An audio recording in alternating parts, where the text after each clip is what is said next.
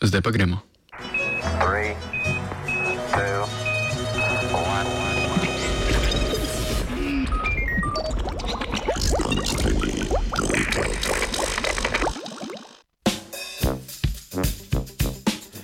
Dobro jutro, z našim znanstvenim Britofom pa gremo na Titan.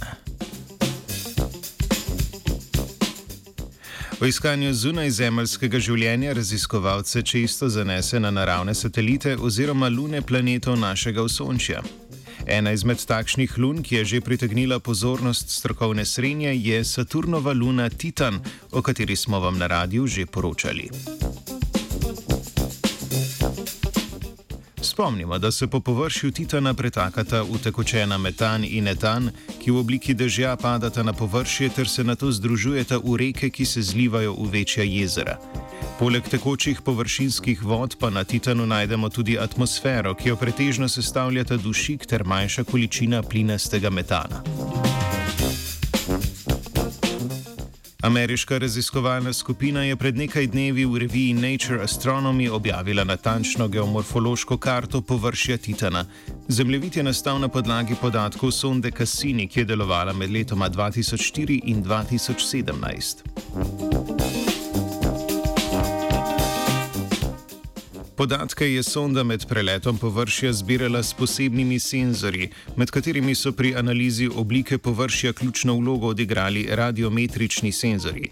Ti delujejo tako, da sprva oddajajo valovanje različnih valovnih dolžin proti površju in na to zaznajo valovanje, ki se od površja odbije. Valovanje različnih valovnih dolžin nosijo različne informacije o preiskovanem površju. Skupaj z ustrezno analizo teh in drugih spektrofotometričnih podatkov so raziskovalci in raziskovalke uspeli po nekaj letih skonstruirati natančnejši zemljevid Titanovega površja.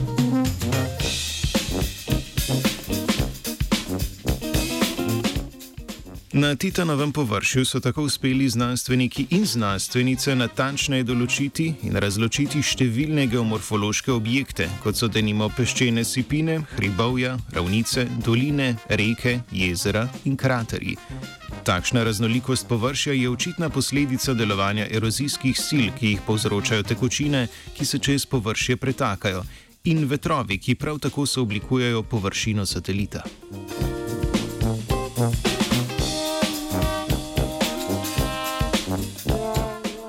Novi podatki o obliki površja Titana nam odstirajo pogled onkraj metanskih meglic, ki sicer zakrivajo njegovo površje.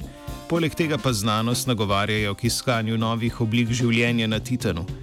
Prav raznolika okolja Titana, pristnost površinske tekočine ter atmosfera bi lahko ključno vplivali na formacijo nove, drugačne oblike življenja. Za konec omenimo, da NASA že načrtuje naslednjo znanstveno misijo na Titan, imenovano Dragonfly v kateri bodo na površje Titana poslali dron.